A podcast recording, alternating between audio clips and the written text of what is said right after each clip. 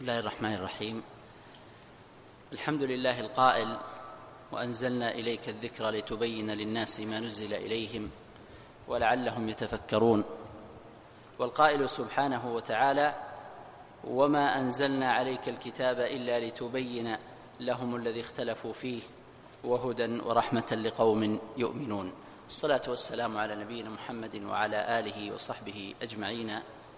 وبعد فهذان درسان مختصران في علم المصطلح وفي كتب الرجال من دورة تكوين المقامة بجامع الراجحي ببريدة ثاني رجب 1436 وأسأل الله سبحانه وتعالى أن يمدني وإياكم بعونه وهدايته وأن يفتح علينا إنه الفتاح العليم وأن يرزقنا وإياكم الإخلاص في القول والعمل. اللهم آمين يا رب العالمين. أيها الأحبة طلاب العلم أمر الله سبحانه وتعالى الناس جميعا باتباع النبي الكريم صلى الله عليه وسلم. قل أطيعوا الله وأطيعوا الرسول. قل إن كنتم تحبون الله فاتبعوني يحببكم الله ويغفر لكم ذنوبكم الله غفور رحيم. قل أطيعوا الله والرسول فإن تولوا فإن الله لا يحب الكافرين. يا أيها الذين آمنوا استجيبوا لله وللرسول إذا دعاكم. لما يحييكم واعلموا أن الله يحول بين المرء وقلبه وأنه إليه تحشر. وجاء في السنة النبوية أحاديث كثيرة تؤكد هذا المعنى وتوصي باتباع النبي صلى الله عليه وسلم ومن بعده الخلفاء. عليكم بسنتي وسنة الخلفاء الراشدين المهديين. تمسكوا بها وعضوا عليها بالنواجذ وإياكم ومحدثات الأمور فإن كل محدثه بدعة.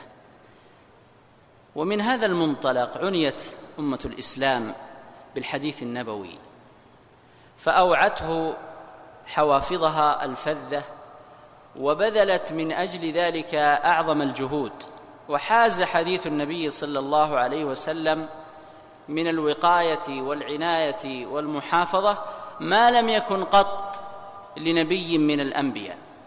فقد نقل لنا الرواة أقوال الرسول صلى الله عليه وسلم في الشؤون كلها العظيمة واليسيرة بل حتى في جزئيات أفعال النبي صلى الله عليه وسلم. نقل الصحابة رضي الله تعالى عنهم وأرضاهم كل شيء يتعلق بذلك.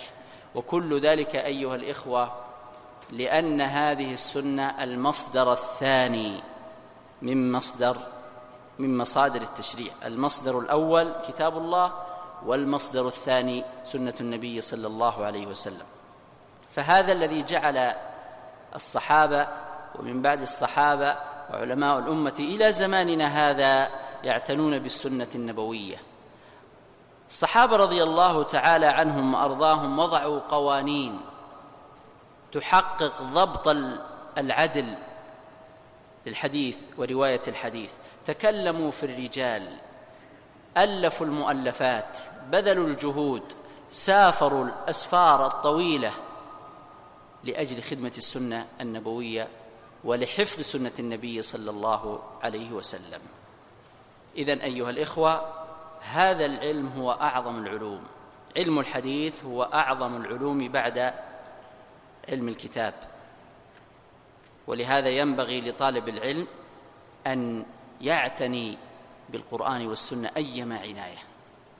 ويبذل الوقت والنفس والأنفاس والغالي والرخيص لسنة النبي صلى الله عليه وسلم فحقها أعظم. ومهما بذلت يا طالب العلم من وقت وتضحية واجتهاد للكتاب والسنة فهذا قليل في حقهما. والمقصود أيها الإخوة انه انطلاقا من ذلك جاءت هذه الدورة المباركة ومن ضمنها الدورات أو الدروس المتعلقة بالسنة النبوية. يقسم العلماء علم الحديث إلى قسمين علم الحديث رواية وعلم الحديث دراية. أما علم الحديث الخاص بالرواية فعلم يشتمل على نقل أقوال النبي صلى الله عليه وسلم وأفعاله وروايتها وضبطها وتحرير ألفاظها. أما علم الحديث الخاص بالدراية فعلم يعرف من خلاله حقيقة الرواية وشروطها وأنواعها وأحكامها وحال الرواة وأصناف المرويات. فهذا علم الحديث رواية ودراية.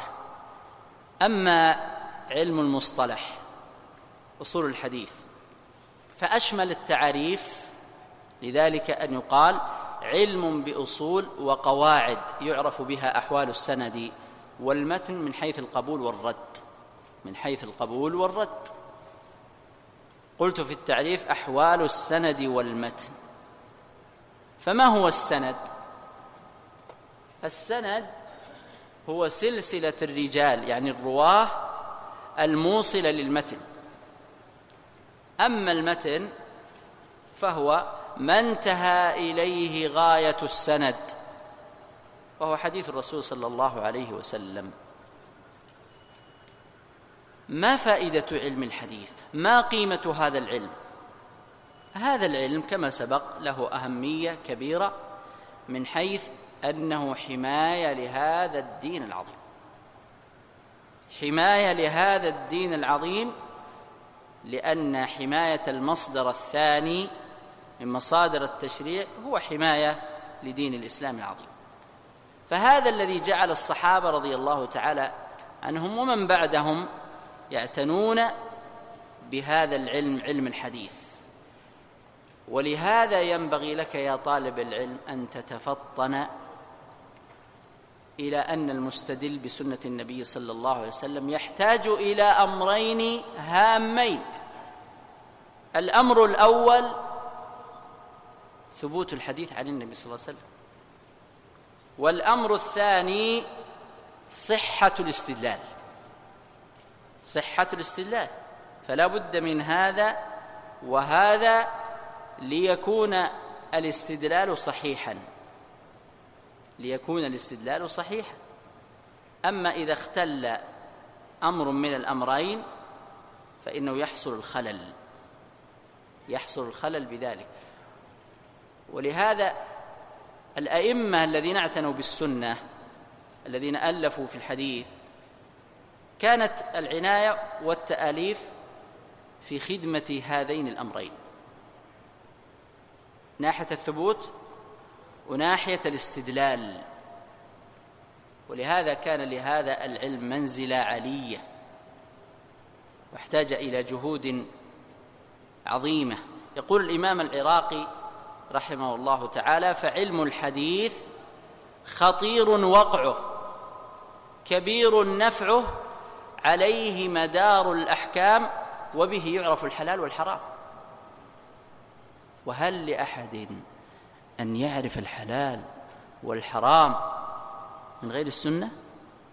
تعرفون أحد يمكن أن أن يصل إلى معرفة المناهي والواجبات والفرائض وما سوى ذلك من دون السنة؟ هل يمكن؟ لا يمكن. هذا يستحيل. المقصود أيها الإخوة أن هذا العلم الذي نحن بصدد علم المصطلح هو خادم. لهذا العلم الكبير علم الحديث. من جميع الجوانب التي ذكرت. وهذا العلم له عدة مسميات.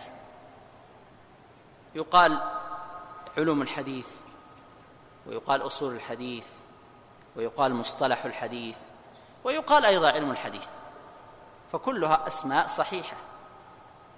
والناظر في نشأة علم مصطلح الحديث يجد أنه كغيره من العلوم الأخرى مر بمراحل وأطوار.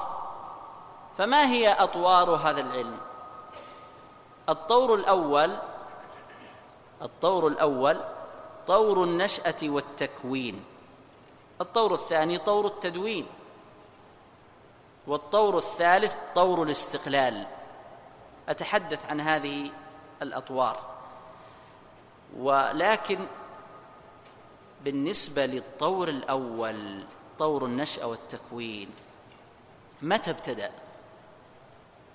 من يجيب؟ نعم تفضل من عهد النبي صلى الله عليه وسلم والصحابة لأنه جاء في السنة ما يوجب التثبت والتأكد وعمل بذلك الصحابة رضي الله تعالى عنهم وأرضاهم. وأولوا هذا عناية خاصة وكان من أعظم الأعمال التي قاموا بها التثبت من صحة أخبار النبي صلى الله عليه وسلم. وقد استقوا هذا من المنهج القرآني يا أيها الذين آمنوا إن جاءكم فاسق بنبأ فتبينوا. فأمر الله تعالى بالتبين. وجاء في السنة أيضا ما يؤكد هذا المعنى والعناية بالسنة. وحفظها ونقلها. نضر الله امرأ سمع منا شيئا فبلغه كما سمعه كما سمعه. فرب إيش؟ مبلغ أو مبلغ. مبلغ أو مبلغ. نعم. مبلغ أوعى من سامع. وفي بعض الروايات فرب حامل فقه إلى من هو أفقه منه ورب حامل فقه ليس بفقيه.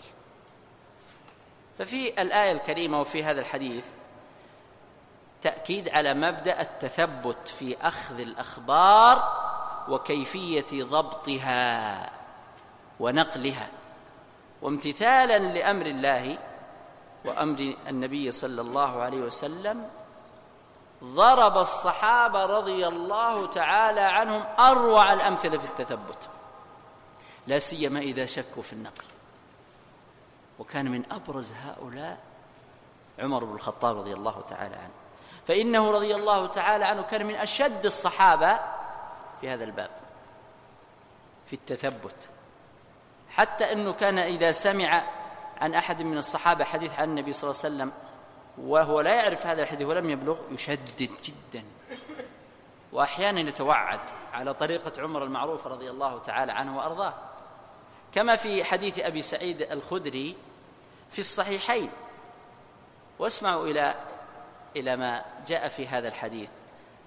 قال كنت في مجلس من مجالس الأنصار إذ جاء أبو موسى يعني الأشعري مذعورا خائفا. فسألوه عما حصل.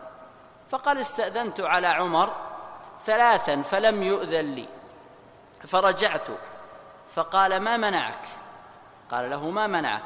قلت استأذنت ثلاثا فلم يؤذن لي. فرجعت فرجعت وقال رسول الله صلى الله عليه وسلم إذا استأذن أحدكم ثلاثا فلم يؤذن له فليرجع. وبلغ عمر هذا الحديث. بلغ عمر هذا الحديث عن النبي. فقال له عمر والله لتقيمن عليه ببينة أو لأفعلن ولا أفعلن. يتهدده رضي الله تعالى عنهم جميعا. وفي بعض روايات الحديث كما في صحيح مسلم قال أبي بن كعب لما سمع بالقصة وعرف الخبر قال يا ابن الخطاب لا تكونن عذابا لا تكونن عذابا على أصحاب رسول الله صلى الله عليه وسلم لأنه الذي لا يأتي منهم ببينه في حديث ينقل عن النبي صلى الله عليه وسلم يتهدد ويتوعد رضي الله تعالى عنه وأرضاه. ليؤدب الصحابة ليؤدب الجميع لأن هذا حديث النبي صلى الله عليه وسلم. فقال عمر رضي الله تعالى عنه سبحان الله سمعت شيئا فأحببت أن أتثبت. والمقصود أن الذي جاء عن الصحابة رضي الله تعالى عنهم في هذا الباب طويل والأحاديث والنصوص في هذا كثيرة. والسلف رضي الله تعالى عنهم وأرضاهم أدركوا هذا المعنى. فلذلك قال ابن سيرين رحمه الله تعالى إن هذا العلم دين. فانظروا عمن تأخذون دينكم. وفي رواية عنه أنه قال إن هذا الحديث دين فانظروا الرجل الذي تأخذون الدين منه. وقال عبد الله بن المبارك رضي الله تعالى عنه وأرضاه الإسناد عندي من الدين. لولا الإسناد لقال من شاء ما شاء. فإذا قيل له من حدثك بقي يعني سكت. سفيان الثوري رحمه الله تعالى يقول الإسناد سلاح المؤمن إذا لم يكن معه سلاح فبأي شيء يقاتل. وهكذا فكانوا يؤكدون على هذا المعنى العظيم. إذا هذا هو الطور الأول طور ماذا؟ طور النشأة والتكوين والطور الثاني طور التدوين. الطور الثاني طور التدوين. ويعد الإمام الشافعي رحمه الله تعالى أول من دون علم المصطلح. وذلك في كتابه الموسوم بما ترون ما اسمه؟ الرسالة من أجل كتب الإمام الشافعي رحمه الله تعالى. هل هذا الكتاب ألف في المصطلح؟ ولم يؤلف في المصطلح لكن ذكر جملا وفوائد في هذا الكتاب تتعلق بمصطلح الحديث. فلذلك قال أهل العلم إنه أول من دون في هذا العلم وتحدث عن شروط صحة الحديث. ومسائل تتعلق بمصطلح الحديث. ثم جاء من بعد ذلك الإمام مسلم رحمه الله تعالى وتحدث عن مسائل في هذا العلم وذلك في مقدمته مقدمة الصحيح. هذا صحيح مسلم لكن في المقدمة تحدث الإمام مسلم رحمه الله تعالى بكلام جميل نافع جدا في هذه المسائل. وذكر فوائد يحتاجها طالب العلم. ثم جاء الإمام أبو داود السجستاني رحمه الله تعالى فألف رسالة إلى أهل مكة. عرفت هذه الرسالة برسالة من؟ رسالة أبي داود إلى أهل مكة. هي مختصرة جدا لكن فيها فوائد ولطائف في هذا العلم. ثم جاء من بعد ذلك, من بعد ذلك الإمام الترمذي رحمه الله تعالى وتحدث عن مسائل في كتابه العلل الصغير. ثم بعد ذلك جاء الطور الثالث وهو طور الاستقلال. الطور الثالث ما هو؟ طور الاستقلال وهذا في القرن الرابع الهجري حيث استقل علم مصطلح الحديث وصار علما مستقلا كبقية العلوم. وكان أول من ألف استقلالا وله الفضل بعد الله تعالى في التأليف استقلالا أبو محمد الحسن الرامة هرمزي. الرامة هرمزي المتوفى سنة 360 في كتابه الذي تقرؤونه أمامكم ما هو؟ من يقرأ؟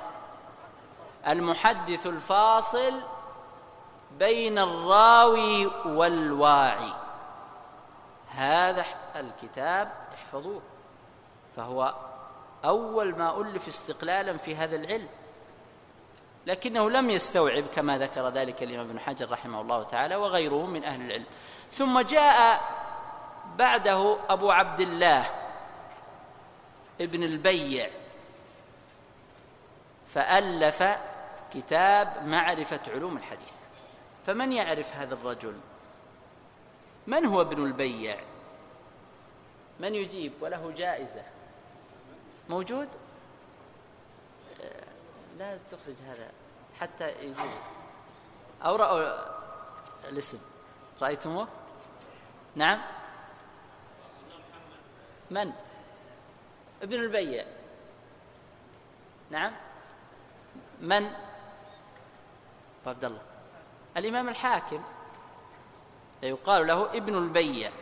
المقصود أنه من أوائل من ألف في هذا العلم استقلالا وذلك في كتابه معرفة علوم الحديث. واضح؟ ليس واضحا؟ حاول توضح. معرفة علوم الحديث. يقول الإمام ابن حجر رحمه الله تعالى لكنه لم يهذب ولم يرتب. لم يهذب ولم يرتب. ثم جاء بعد ذلك الحافظ أحمد بن علي الخطيب البغدادي فألف في علم الرواية كتاب الكفاية في قوانين الرواية وهو هذا الذي ترونه. الكفاية في قوانين الرواية وكذلك كتاب الجامع لأخلاق الراوي وآداب السامع. ثم جاء من بعد ذلك القاضي عياض رحمه الله تعالى فألف كتابه الإلماع. في أصول الرواية الإلماع إلى معرفة أصول الرواية وتقييد السماع. هذا ألفه من؟ القاضي عياض رحمه الله تعالى. ثم جاء من بعد ذلك الحافظ أبو عمرو عثمان بن الصلاح في كتابه علوم الحديث المشهور بمقدمة ابن الصلاح. المشهور بمقدمة ابن الصلاح. ويعد هذا الكتاب من أشهر كتب علم المصطلح. وقد ذكر فيه الإمام ابن الصلاح خمس وستين نوعا من علوم الحديث. فجمع فيه ابن الصلاح رحمه الله تعالى ما تفرق في الكتب السابقة واستوفى أنواع علوم الحديث نسبيا. استوفاها نسبيا. ويتميز كتاب ابن الصلاح رحمه الله تعالى بالاستنباط الدقيق لمذاهب العلماء والقواعد والأقوال التي ذكروها في هذا العلم. وثانيا أنه ضبط التعاريف التي ذكرها من سبقه. والثالث أنه عقب على أقوال العلماء بتحقيقات واجتهادات جيدة. ما قيمة كتاب ابن الصلاح؟ ما قيمة هذا الكتاب يا طلاب العلم؟ من يجيب له جائزة. والإخوة أخبروني بأن هناك أربع جوائز. الجوائز حاضرة؟ من يعطينا قيمة هذا الكتاب؟ تفضل. ارفع صوتك.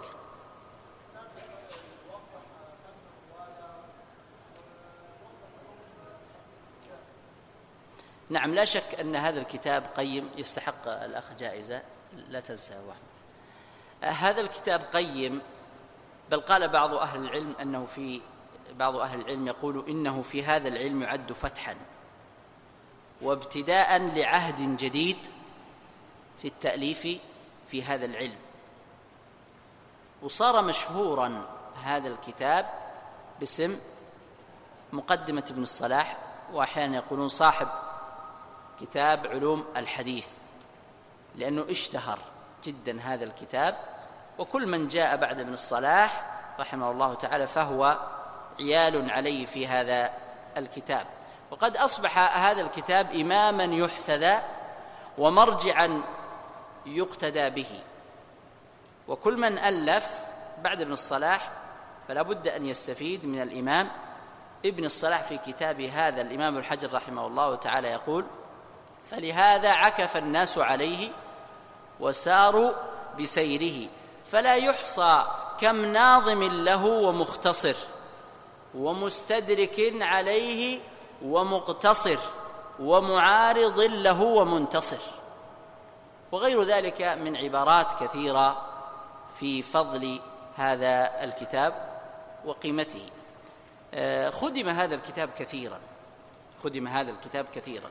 فممن خدمه الإمام العراقي رحمه الله تعالى وكذلك الإمام السيوطي آه، وكذلك اختصر هذا الكتاب. بالنسبة للعراقي والسيوطي آه، وضع نظما وضع نظما على هذا الكتاب. والمنظومتان مشهورتان ومعروفتان. وممن اختصر هذا الكتاب يعني النوع الأول النظم النوع الثاني الاختصار. النوع الثاني الاختصار في خدمة هذا الكتاب. وممن اختصره الإمام النووي رحمه الله تعالى. اختصر كتاب ابن الصلاح أيضا ابن دقيق العيد. وممن خدمه أيضا لكن في التلخيص الإمام الذهبي رحمه الله تعالى في كتابه الموقظة في كتابه الموقظة. ومنهم من استدرك على الكتاب كالإمام العراقي رحمه الله تعالى في كتابه التقييد والإيضاح لما أطلق وأغلق من كتاب ابن الصلاح. ابن حجر رحمه الله تعالى له كتاب مشهور على كتاب ابن الصلاح. ما اسمه؟ جواب بدون جائزة؟ أو بشرط الجائزة؟ أجب. يقول نخبة الفكر. ما رأيكم؟ لا شك نستفاد نستفاد من نخبة الفكر. نعم. تفضل. تفضل. أحسنت. النكت. مشهور بهذا الاسم. النكت على ابن الصلاح. موجود هنا؟ النكت على ابن الصلاح. آه، من الذي أجاب؟ الأخ. ما اسمك؟ عرفته؟ إذا ابن حجر رحمه الله تعالى ألف الكتاب المشهور والموسوم بالنكت على ابن الصلاح. كتاب ابن الصلاح رحمه الله تعالى وما بعده من مؤلفات في هذا الفن هي في الحقيقة تعد مرحلة ثانية من مراحل التصنيف في هذا العلم. يمكن أن نسمي هذه المرحلة مرحلة التهذيب والترتيب. مرحلة التهذيب والترتيب. من الذي ابتدأ هذه المرحلة؟ الإمام ابن الصلاح رحمه الله تعالى. الإمام ابن الصلاح هو الذي ابتدأ هذه المرحلة. ومضى سنون طويلة ولا يعرف الناس إلا هذا الكتاب حتى صار مرجعا لهم.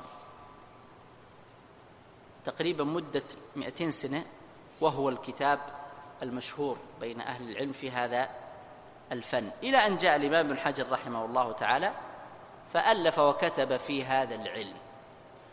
ومما كتبه في هذا العلم الكتاب المشهور الذي يدرس في الدورات وفي الدروس وأظنكم جميعا حضرتم دروسا في هذا المتن فما هو؟ كتاب مختصر لطيف ورسالة صغيرة لكنها مباركة. نعم نخبة الفكر. للإمام ابن حجر رحمه الله تعالى سماه نخبة الفكر في مصطلح أهل الأثر وهذا الصحيح في التسمية. بعضهم يقول نخبة الفكر والصحيح نخبة الفكر في مصطلح أهل الأثر. ثم وضع الإمام ابن حجر رحمه الله تعالى شرحا مختصرا وتعليقا على هذا المتن. موسوم بماذا؟ موسوم بماذا؟ عمر. نزهة النظر في توضيح نخبة الفكر. توضيح لمتن النخبة وكلاهما للإمام بن حجر رحمه الله تعالى. الإمام بن حجر اعتنى بالنخبة وبالنزهة ووضع فيهما خلاصة في هذا العلم. وهذه الخلاصة جاءت من اطلاع الإمام بن حجر رحمه الله تعالى على ما سبق من كتب ومؤلفات في هذا العلم. فجاء نخبة الفكر خلاصة لهذا العلم. ولهذا حقيق وجدير بطالب العلم أن يعتني بهذا المتن ويحفظه ويقرأ الشروح على هذا المتن فهو متن مبارك ولا يستغني طالب علم عن هذا المتن. رغم وجازته واقتصاره واختصاره إلا أنه نافع جدا لطالب العلم فهو جامع لأمهات المسائل في هذا العلم. عد بعض الباحثين ما ألف حول نخبة الفكر وشرحها نزهة النظر فأوصلها إلى أكثر من ست وستين مؤلفا. أكثر من ست وستين مؤلفا. كلها خدمت هذين الكتابين. ثم جاء بعد ذلك البيقوني عمر بن محمد البيقوني المتوفى سنة 1080 للهجرة. فكتب منظومة يسيرة ومختصرة. اشتهرت بماذا؟ بالمنظومة البيقونية. اشتهرت بالمنظومة البيقونية وهي منظومة لطيفة مختصرة جدا. جيدة للمبتدئ. جيدة للمبتدئ في هذا العلم. لكن فيها بعض النقص والاختصار المخل. ثم من بعد ذلك توارد العلماء ولا سيما في العصور المتأخرة توردوا على التأليف في هذا العلم. فألف مجموعة كبيرة من العلماء ولا سيما من ألف في العصور المتأخرة. مثلا جمال الدين القاسمي رحمه الله تعالى ألف في هذا العلم. الإمام أحمد شاكر رحمه الله تعالى في كتابه الباعث الحثيث في شرح اختصار علوم الحديث. آه، كذلك من المعاصرين الذين كتبوا شيئا طيبا حول هذا العلم الشيخ الدكتور الطحان في كتابه تيسير مصطلح الحديث. وميزة هذا الكتاب أنه قريب المتناول. ميزة هذا الكتاب أنه قريب المتناول. يقرب لك مسائل. هذا العلم بعبارة بسيطة وبأسلوب جيد. حري بطالب العلم ولا سيما المبتدئ أن يقرأ هذا الكتاب فإنه آه، يفتح لك ابوابا وفهوما في هذا العلم. وهناك مؤلفات أكثر مما ذكرت تركتها آه، خشية الإطالة واكتفيت بالأهم من هذه الكتب. وإلا الكتب التي ألفت في المصطلح هي كتب كثيرة. ولكن حرصت على أن أنص وأمثل بأهم الكتب التي أراها في هذا العلم. فليس معنى هذا أن ما ذكرته من كتب على أسلوب الحصر إنما هو على أسلوب التمثيل. ثم بعد ذلك ننتقل إلى علم الرجال. ننتقل بعد ذلك إلى علم الرجال. فما هو علم الرجال؟ من يجيب وله جائزة. ستكثر الجوائز يا أبا أحمد استعدوا. نعم تفضل. نعم. جيد. فيه تعريف أجمع؟ تفضل. يعني علم يبحث في أحوال رواة الحديث ذاتا ووصفا ومعرفة أسمائهم وأسماء آبائهم ومعرفة صفاتهم التي لها مدخل في قبول الحديث أو رده. فهذا هذا هو علم الرجال. هذا هو علم الرجال ويستحق الأخ جائزة. تراجع الأخوة بعد الدرس الثاني. إن كنت تريد الجائزة. بعض الأخوان نقول له جائزة ويتركها. يستاهل. بعد الدرس تستلمها إن شاء الله. بعضهم عبر بتعبير آخر وقال عن هذا العلم الوقوف على أحوال الرواة من حيث العدالة والجهالة والوقوف على أسماء مشايخهم وتلاميذهم وتاريخ سماعاتهم وبلادهم ومواطنهم ورحلاتهم وأحوال من تغير من الرواة ومتى ومتى حصل هذا التغير؟ ومن روى عنه قبل التغير؟ ومن روى عنه بعد التغير والمدلسين وأحوال المدلسين والمختلطين. لكن هذا التعريف تعريف تفصيلي.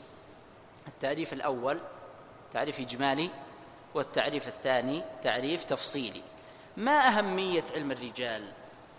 ما أهمية علم الرجال؟ نعم تفضل.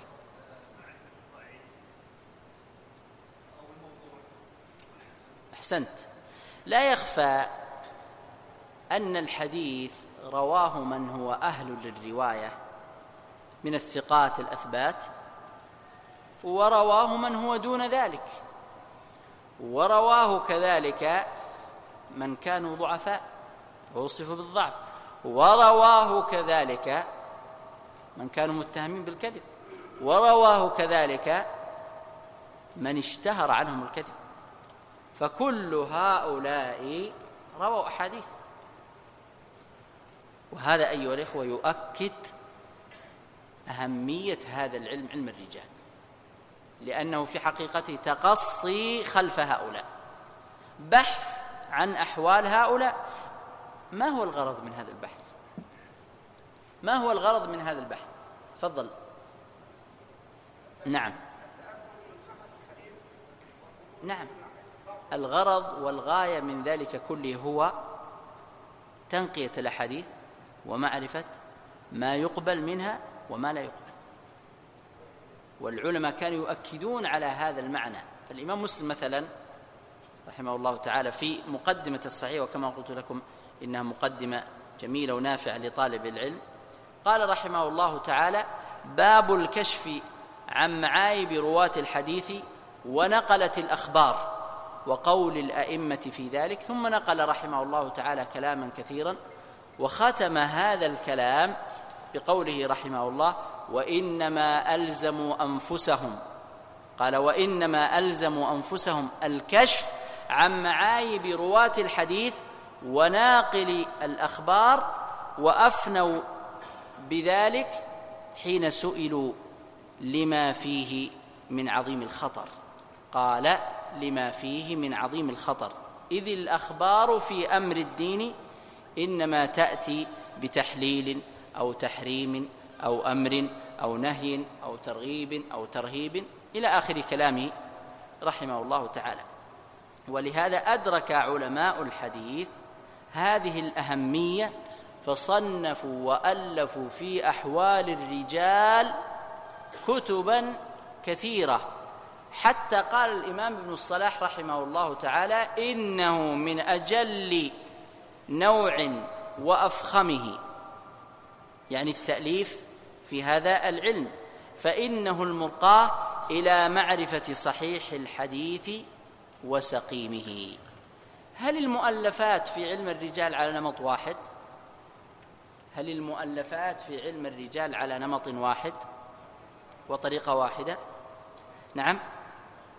تنوعت المصنفات في علم الرجال فلم تأتي على بابة واحدة إنما جاءت على أبواب فمنهم من اقتصر على التعريف بالصحابة وألف بالصحابة رضي الله تعالى عنهم وأرضاهم ومنهم من شمل الصحابة والتابعين والأتباع ومن تلاهم وهذه تعرف بكتب الطبقات ولعلنا نتحدث عنها لاحقا.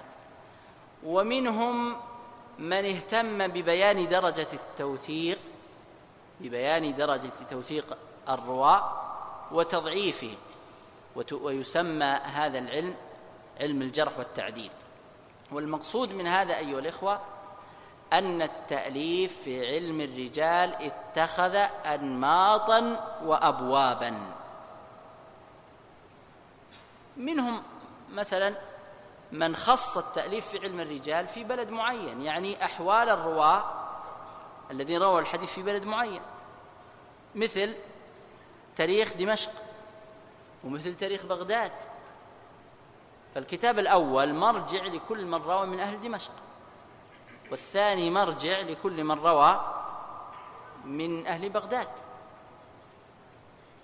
ومنهم مثلا من ألف فيما يتعلق بضبط أسماء الرواة لأنه حصل في أسماء الرواة تشابه وحصل لبس فألفوا في الكنى وألفوا في النسبة وألفوا في الأسماء المتشابهة وما سوى ذلك. ويمكن أن نقسم كتب الرجال بإيجاز إلى ما يلي. القسم الأول الكتب التي ألفت في معرفة الصحابة رضي الله تعالى عنهم وأرضاهم. والمصنفات في تراجم الصحابة رضي الله تعالى عنهم وأرضاهم كثيرة. أذكر أهم ما صنف. اولا كتاب الاستيعاب في معرفة الأصحاب للإمام بن عبد البر. وهو أمامكم الآن.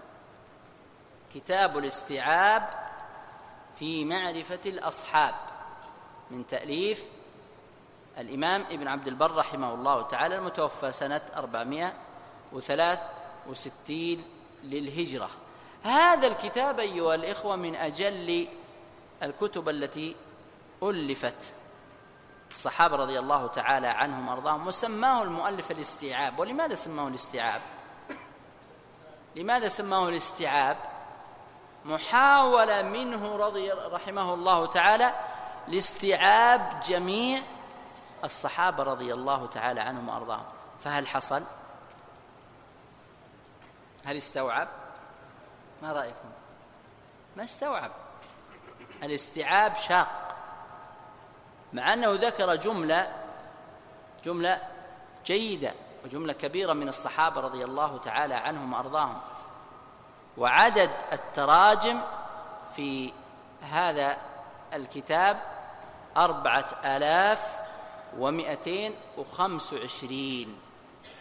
ذكر أربعة آلاف ومئتين وخمس وعشرين صحابي. وهذا عدد كبير ولا شك. لكنه لم يستوعب رحمه الله تعالى. مع أنه حريص على هذه القضية أن يستوعب لكنه لم يستوعب ففاته شيء كثير.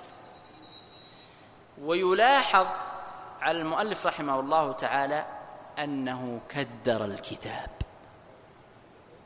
نعم. أنه كدر الكتاب. فبماذا كدر الكتاب؟ عفى الله عنا وعنه. ما تعرف؟ نعم. كدر الكتاب بإيراده بعض ما شجر بين الصحابة رضي الله تعالى عنهم وأرضاهم.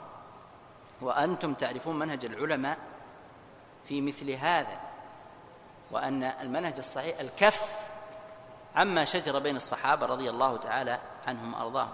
وكنا نتمنى أن الإمام بن عبد البر رحمه الله تعالى لم يكدر هذا الكتاب بهذا النحو من الأخبار. وعلى كل حال الوقت الآن يشير إلى أن الفسحة قد اقتربت. فنأخذ فسحة خمس دقائق أو عشر دقائق ما أدري. ثم نعود بعد ذلك. صلى الله وسلم على نبينا محمد وآله وصحبه أجمعين.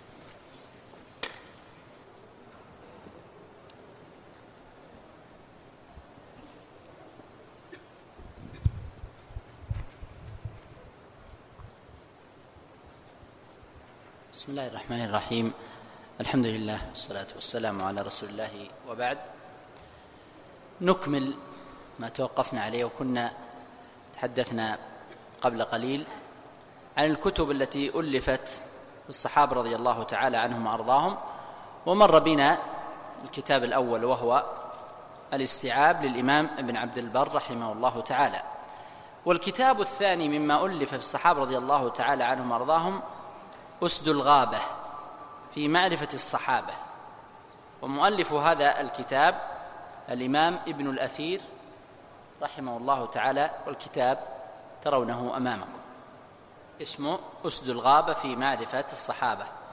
رضي الله تعالى عنهم وأرضاهم. من تأليف الإمام ابن الأثير رحمه الله تعالى. جمع من الصحابة سبعة ألاف وخمسمائة وأربع وخمسون ترجمة. اجتهد رحمه الله تعالى في هذا الكتاب ليحوي ما انتهى إليه من قبله ممن ألف في هذا العلم. ممن ألف في هذا العلم. ونفس السؤال يقال هنا السؤال الذي ذكرته على كتاب الاستيعاب. أقوله على كتاب أسد الغابة هل استوعب؟ لم يستوعب رحمه الله تعالى.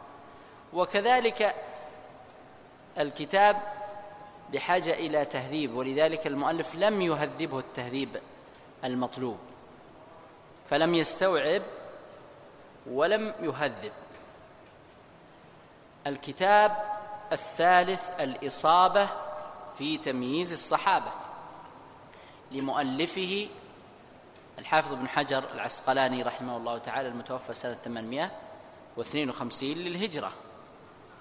وعدد التراجم داخل الكتاب وجملة ما فيه من الصحابة اثنا عشر ألفا ومئتان وتسعة وسبعون صحابيا. والكتاب ترونه أمامكم. الإصابة في تمييز الصحابة. كم توقعون مدة تأليف هذا الكتاب؟ كم مكث الإمام ابن حجر رحمه الله تعالى يؤلف هذا الكتاب؟ قد تعجبون؟ قد تعجبون؟ أمضى في تأليف هذا الكتاب أربعون سنة. أربعين سنة. أربعين سنة في تأليف هذا الكتاب لكنه كان تأليفا بالتراخي. كان تأليفا بالتراخي وكتبه في مسودات ثلاث مرات. ربما من أسباب التأخير التثبت والتبين والبحث والنظر والجمع. فربما كان هذا أيضا من أسباب هذا التأخير. ولهذا جاء هذا الكتاب أوسع كتاب في التأليف في الصحابه رضي الله تعالى عنهم وأرضاهم.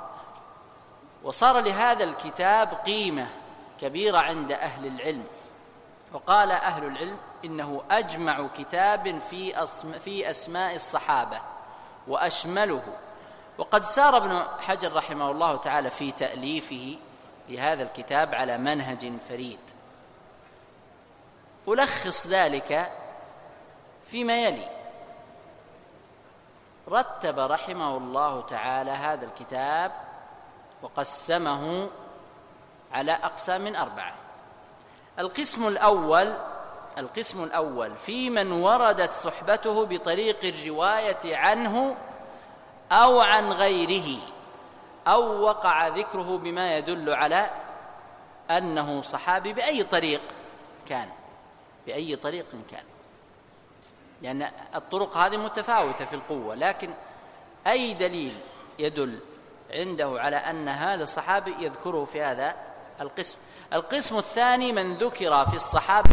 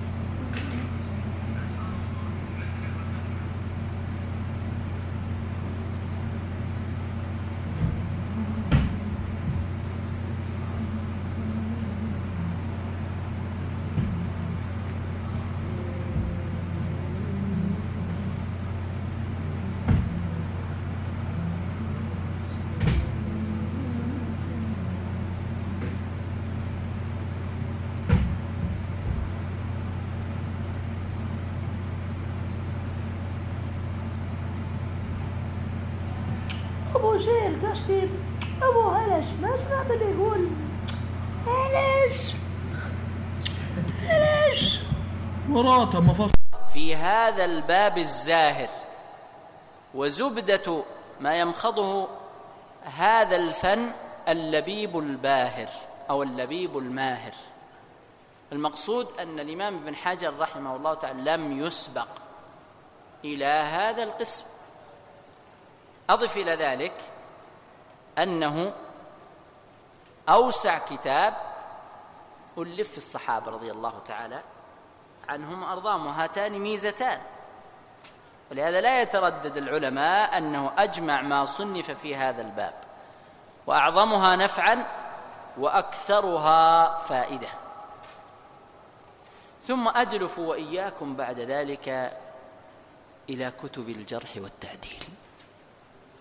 إلى كتب الجرح والتعديل.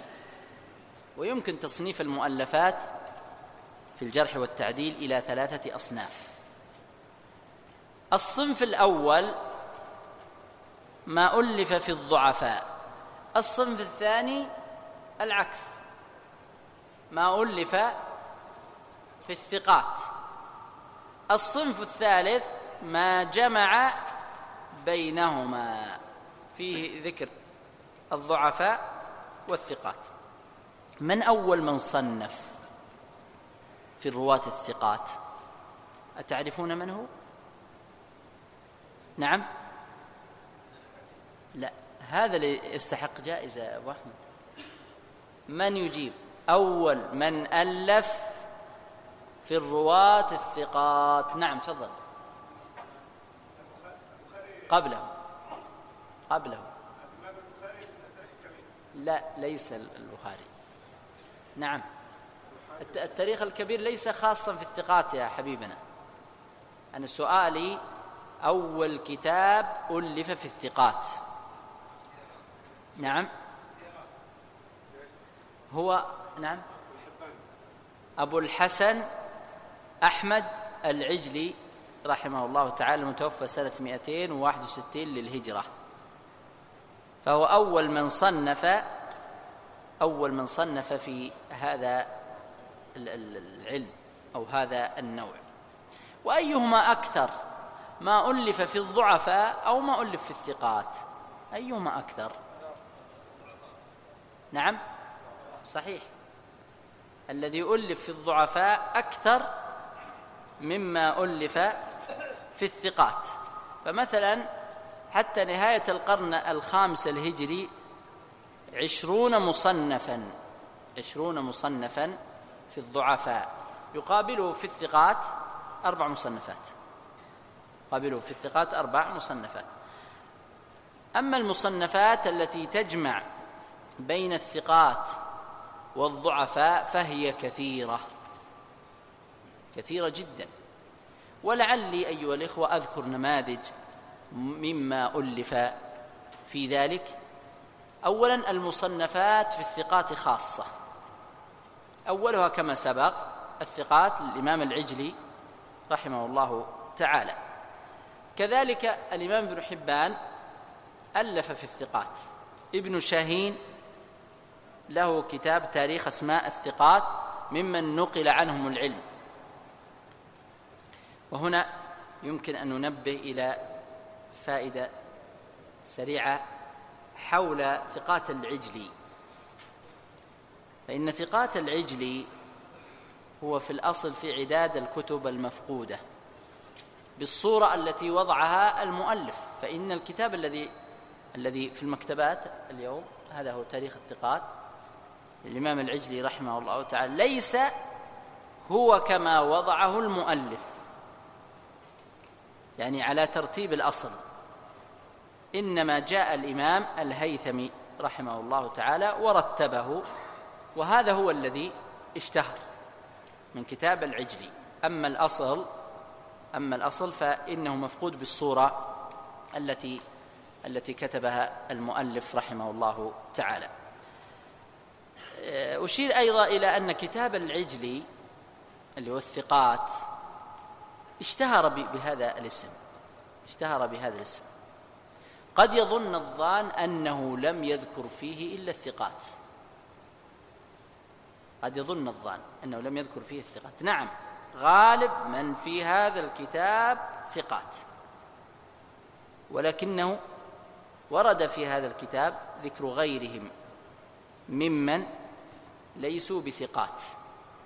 ولهذا يمكن أن أن يصح أن أن يقال إنه كتاب الثقات والضعفاء أو مثلا كتاب السؤالات لأنه جاء على طريقة أسئلة. المآخذ على هذا الكتاب أبرزها أنه تكررت بعض التراجم مرتين أو ثلاث مرات. رغم أنه كتاب ليس بالكبير لكن تكررت بعض التراجم. آه، أما كتاب الثقات لابن حبان رحمه الله تعالى والمتوفى سنة 354 للهجرة فقد أورد رحمه الله تعالى في كتابه هذا كل من هو ثقة. عنده. فمن يذكره في هذا الكتاب نقول إنه ثقة عند ابن حبان رحمه الله تعالى. أورد بضعة عشر ألف ترجمة ولكن بشكل مختصر. هذا ما يتعلق بالتأليف في الثقات. أما التأليف الضعفاء خاصة فهو كما سبق أكثر مما ألف في الثقات. ولعل من أشهر ما ألف في الضعفاء كتاب الضعفاء الكبير للإمام البخاري رحمه الله تعالى. كذلك كتاب الضعفاء الصغير للإمام البخاري رحمه الله تعالى. كتاب الضعفاء والمتروكين للإمام النسائي رحمه الله تعالى. كذلك في كتاب للدار قطني بهذا الاسم. كتاب الضعفاء والمتروكين. ومن كتب الضعفاء أيضا كتاب معرفة المجروحين من المحدثين والضعفاء والمتروكين. هل هو موجود عندك؟ هذا كتاب ابن حبان معرفة المجروحين من المحدثين الضعفاء والمتروكين لابن حبان البستي رحمه الله تعالى. رتب المؤلف أسماء المترجمين على حروف المعجم. وبذلك يكون الإمام ابن حبان رحمه الله تعالى خالف طريقة الترتيب في كتاب الثقات فإنه رتبه على الطبقات. أما هذا فرتبه على ماذا؟ على إيش؟ على الحروف على حروف المعجم. مع أن المؤلف واحد لكن غاير بين الكتابين في هذا. تميز كتاب المجروحين لابن حبان بالعديد من المزايا. فمن ذلك مكانه المؤلف رحمه الله تعالى وتقدمه في هذا الشأن. فابن حبان إمام بحر عارف واسع الاطلاع على أحوال الرواة. فهذه ميزة كبيرة لهذا الكتاب. ثانيا أن الأئمة الذين جاءوا بعد ابن حبان قد اعتمدوا على كلام ابن حبان في هذا الكتاب. وثالثا أن هذا الكتاب يعتبر أهل الحديث موسوعة ضخمة في أسماء الرواة المتكلم فيهم فهو مرجع بمثابة الموسوعة في هذا العلم. أبرز المآخذ على هذا الكتاب أنه ربما حصل للمؤلف رحمه الله تعالى فيه بعض الأوهام. فذكر يعني بعض الرواة في المجروحين وأعاد ذكر هؤلاء الرواة في الثقات أعادهم في الثقات. قد قام الدكتور مبارك الهاجري عميد كلية الشريعة في الكويت بعمل بحث حول هذا عنوان البحث الرواة الذين ترجم لهم ابن حبان في المجروحين وأعادهم في الثقات جمعا ودراسة وتحليل وهو كتاب جيد يحسن الرجوع إليه في ما ذكرت قبل قليل في بيان الذين وهم فيهم ابن حبان رحمه الله تعالى بذكرهم هنا وهنا. من هذه الكتب التي ألفت في الضعفاء الكامل اسمه الكامل في ضعفاء الرجال للإمام ابن عدي رحمه الله تعالى. الكتاب أيها الإخوة يشتمل على تراجم عدد كبير من الضعفاء. والثقات الذين تكلم فيهم أو أنكر عليهم في أحاديث أو اختلف فيهم. وقد رتبه رحمه الله تعالى على الحروف الهجائية. يعتبر هذا الكتاب الكامل من المصنفات البديعة في هذا العلم. ويتميز هذا الكتاب بأن المؤلف ابن عدي من أئمة الحديث المعتدلين المنصفين. ولماذا أقول المعتدلين المنصفين؟ لماذا أقول المعتدلين المنصفين؟ لأن ممن تكلم في هذا الباب متساهل ومنهم من؟ ومتشدد. ليسوا على درجة واحدة. الإمام ابن عدي رحمه الله تعالى أكثر أهل الحديث يعتبرونه من الأئمة المنصفين والمعتدلين في الأحكام على الرواة. ولديه رحمه الله تعالى نظرة ثاقبة وحفظ واسع وتمييز وتمحيص فهو كتاب جدير بالعناية ويحسن بطالب العلم أن ينتقي هذا الكتاب. لكن ثمة تنبيهات مهمة حول هذا الكتاب. أورد رحمه الله تعالى ضمن تراجم الكتاب ما يزيد على ثمانية آلاف حديث. إذن هو كتاب مليء بالأحاديث. أورد ما يزيد على ثمانية آلاف حديث.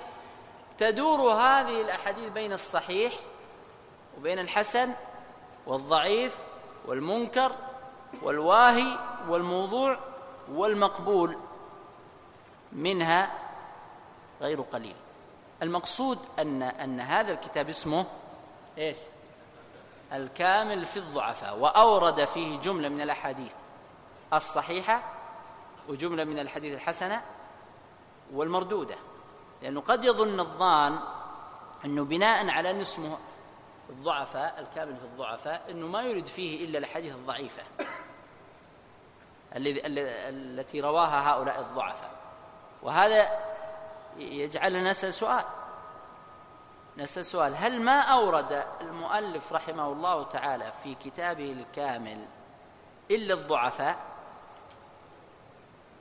نعم. تفضل. نعم. يتحدث يعني عن بعض الثقات الذين ليسوا بضعفاء لكن هذا ليس على سبيل الكثرة إنما على سبيل القلة. هذا قليل في الكتاب وإن كان تحدث عن بعض هؤلاء الرواة.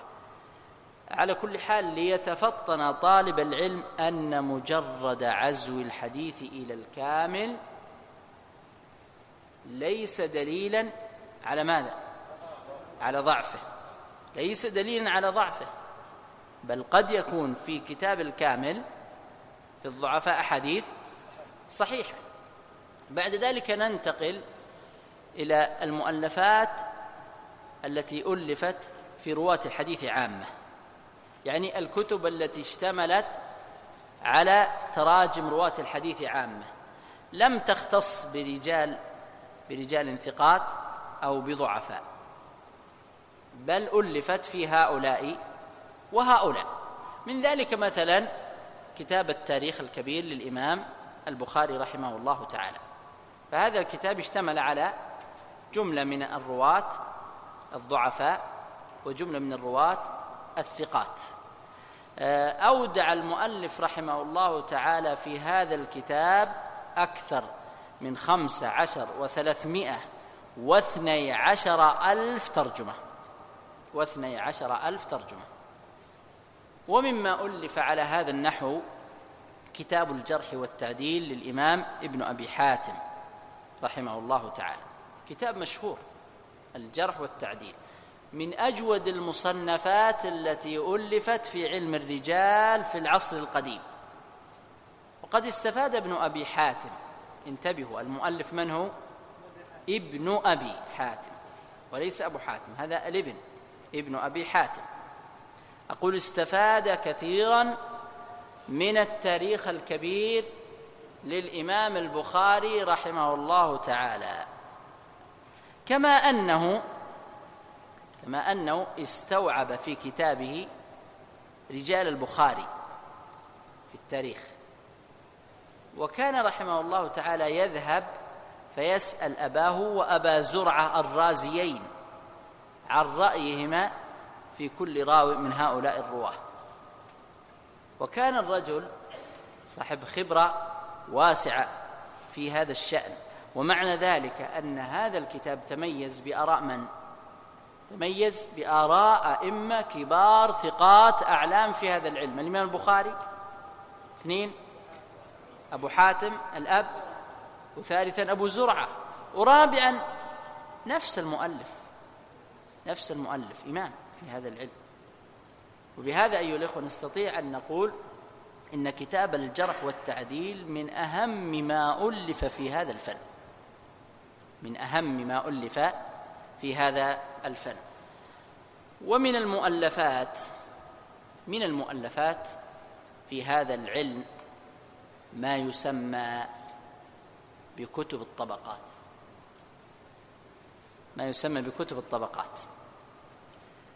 سنذكر جملة من كتب الطبقات لكن ما معنى الطبقات؟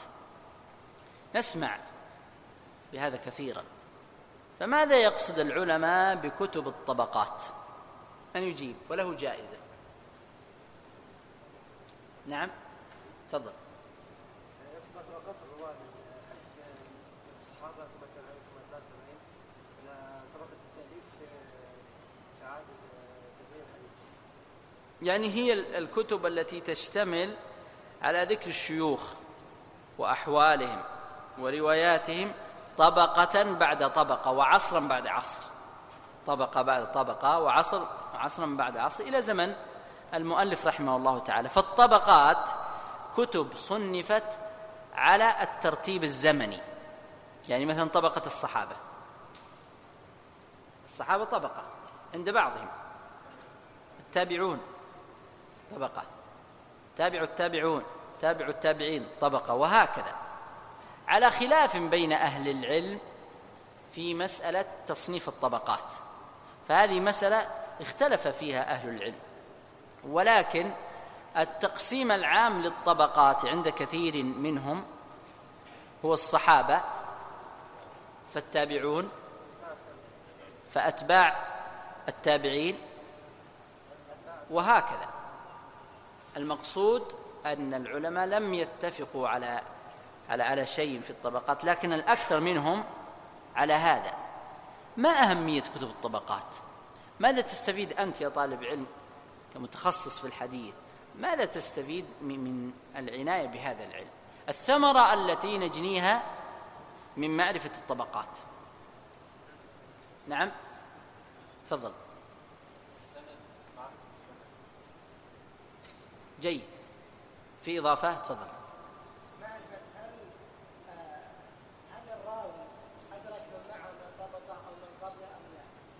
نعم وهذا له أثر كبير في في مسألة السماع ومساله يعني الشيوخ والتلاميذ وما يترتب على هذا من أحكام تتعلق بالاتصال والانقطاع. المقصود أن هذا العلم يعطي الدارس ملامح واضحة لكل عصر وبلد لكل عصر وبلد. فمثلا إذا أردت أن تعرف الصحابة الذين نزلوا مصر.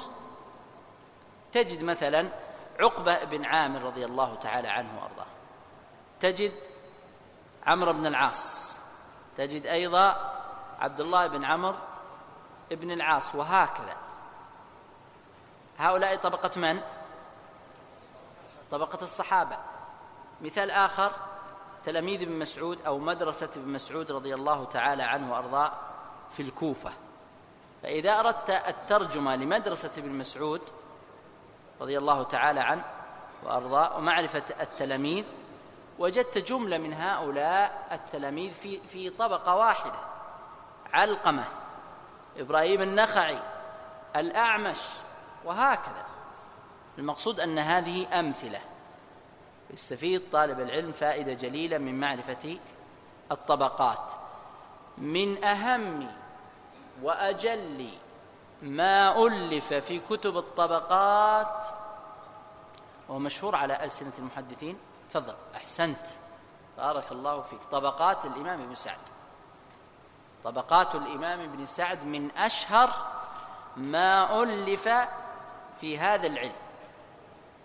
ومن جاء بعد الإمام ابن سعد ممن ألف في الطبقات استفاد من ابن سعد رحمه الله تعالى في كتابه هذا مثل ابن عساكر الإمام الذهبي الإمام ابن حجر وسائر من ألف في الطبقات استفاد من طبقات ابن سعد رحمه الله تعالى. ابن سعد إمام من الأئمة الكبار ولا سيما في الجرح والتعديل ومعرفة الرواة وهذا مما جعل لكتابه أهمية بالغة. هناك بعض المآخذ على كتاب الطبقات لابن سعد.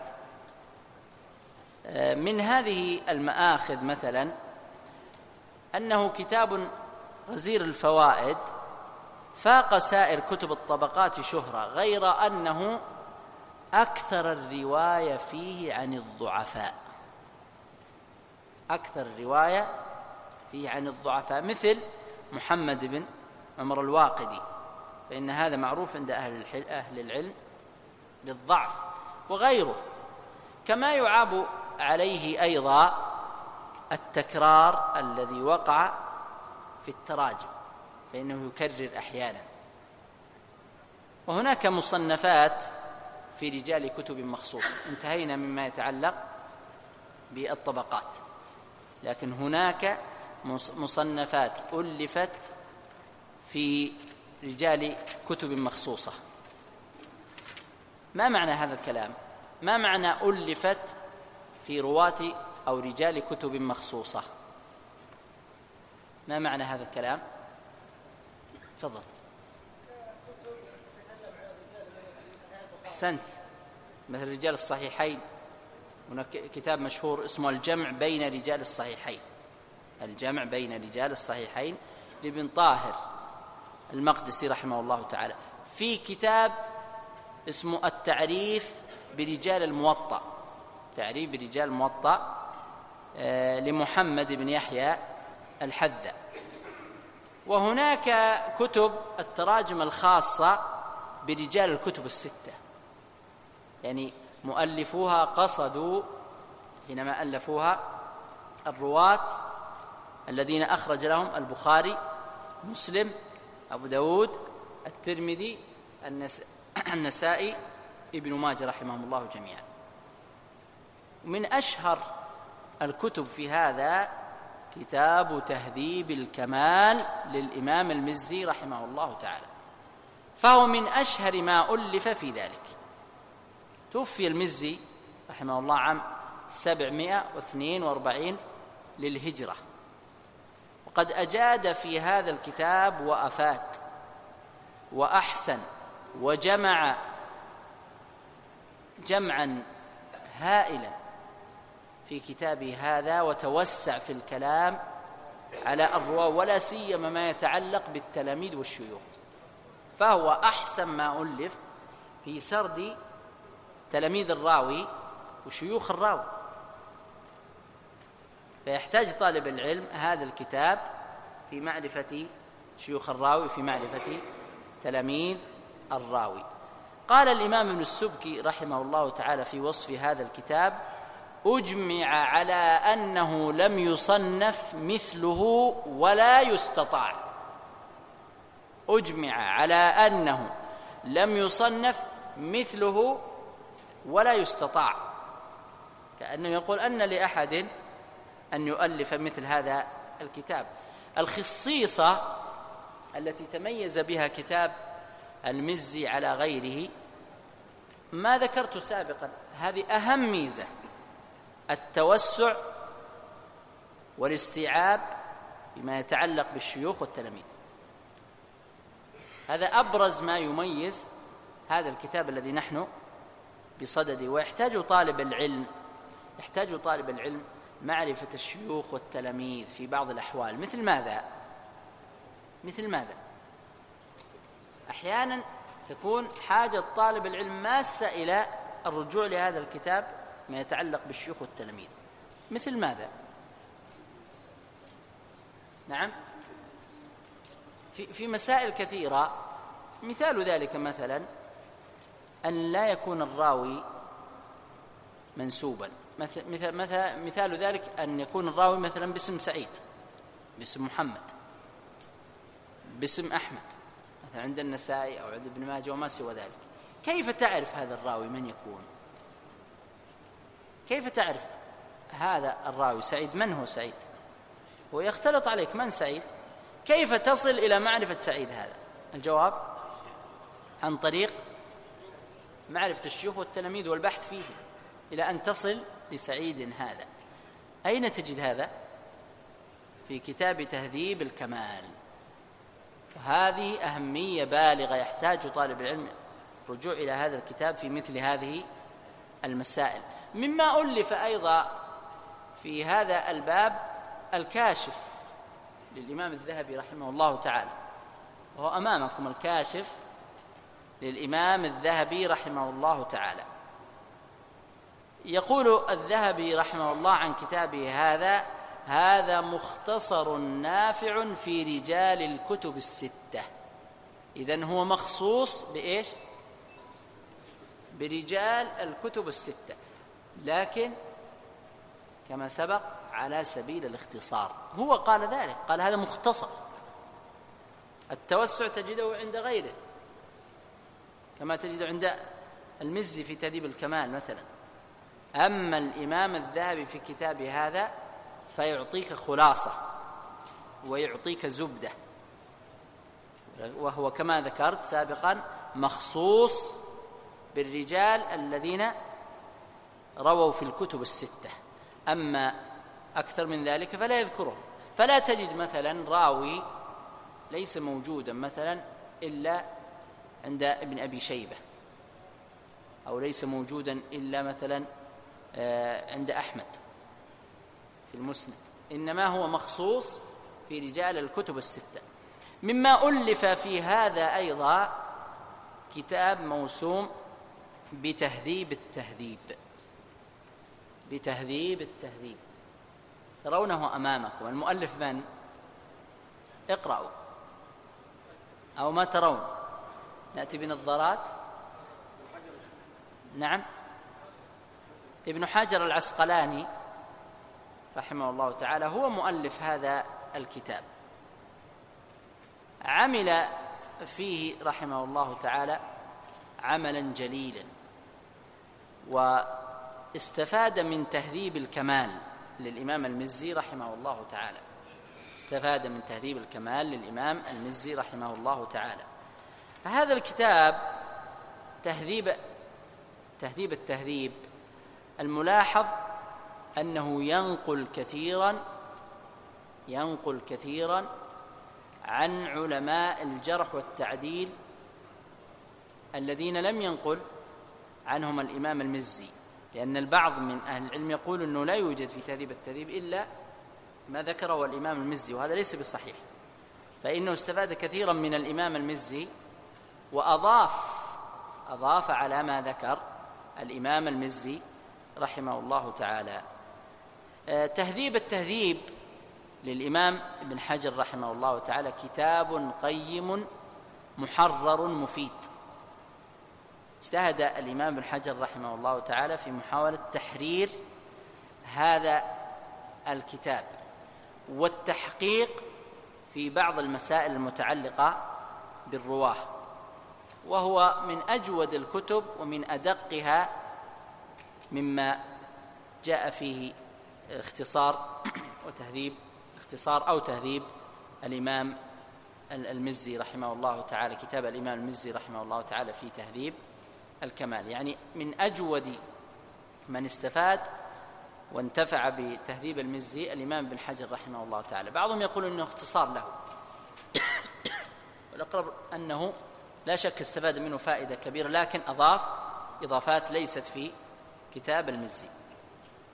أيضا من الكتب التي ألفت في هذا التقريب لمن؟ له أيضا. كتاب تقريب التهذيب. هو اختصار لكتابه القيم تهذيب التهذيب. هذا تقريب هذا تقريب التهذيب. ترونه أمامكم. هو اختصار لكتاب تهذيب التهذيب. المؤلف رحمه الله تعالى في هذا الكتاب حرص على الاختصار الشديد وإعطاء خلاصة وزبدة عن الراوي. تستطيع أن تقول إن هذه خلاصة سنين خلاصة سنين طويلة خلاصة بحث واسع في علم الرجال. الإمام ابن حجر رحمه الله تعالى لعله لا يخفى عليكم أنه من أهل الاستقراء أنه من أهل الاستقراء التام في هذا العلم في معرفة الرجال والبحث في أحوالهم والنظر في ذلك والرجوع إلى المؤلفات التي ألفت. فبالتالي بعد كل هذا بعد هذه السنين الطويلة يكتب كتابة مختصرة عن كل راوي. ولتعلموا أيها الإخوة أن مما جعل لهذا الكتاب قيمة أنه رحمه الله تعالى ألفه في آخر حياته. ألفه في آخر حياته. يعني أصبح زبدة وخلاصة أمضى في هذا العلم أكثر من ستين عاما. في علم الحديث الإمام الحجر أمضى في هذا العلم أكثر من ستين عاما. خلاصة الكلام عن الرجال تجده في هذا الكتاب تقريب التهذيب. ولا سيما إذا عرفنا منزلة هذا الإمام وكون هذا الإمام ألف قبل ذلك تهذيب التهذيب. ثم ألف بعد ذلك هذا الاختصار ليكون خلاصة وزبدة. لما ذكره في تهذيب التهذيب ولما ذكره أهل العلم عن هؤلاء الرواة رواة الكتب الستة.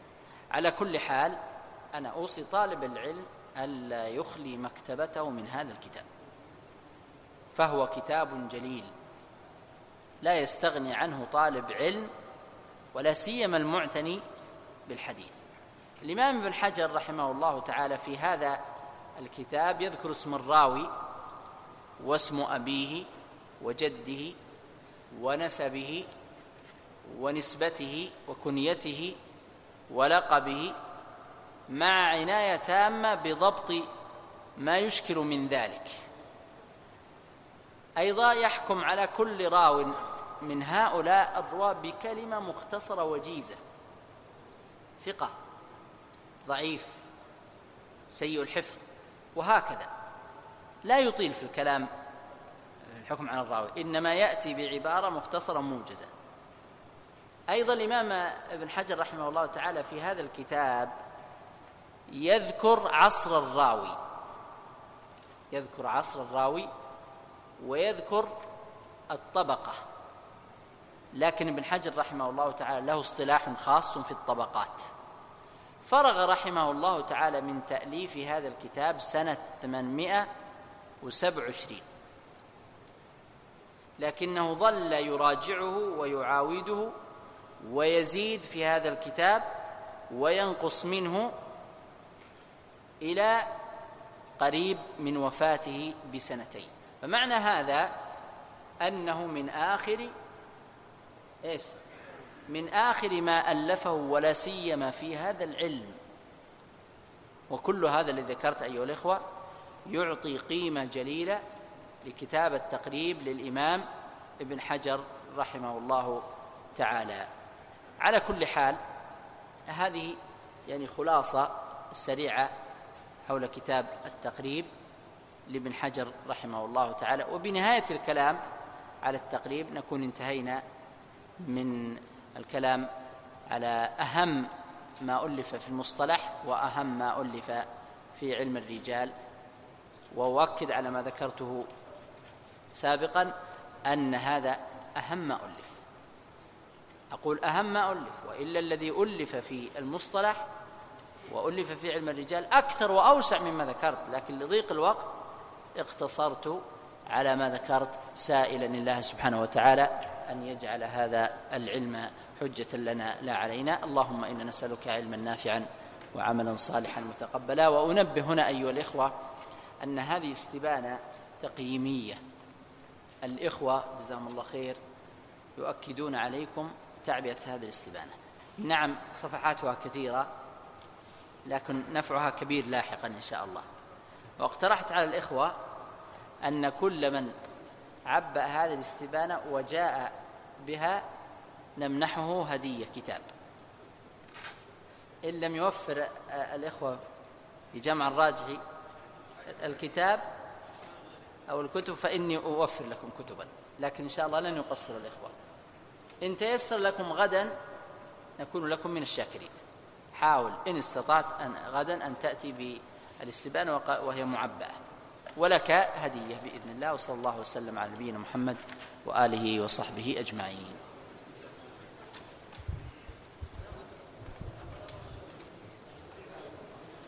عليكم السلام. وسهلا.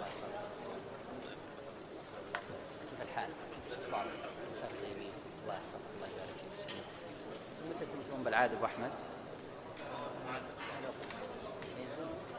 لا نصر.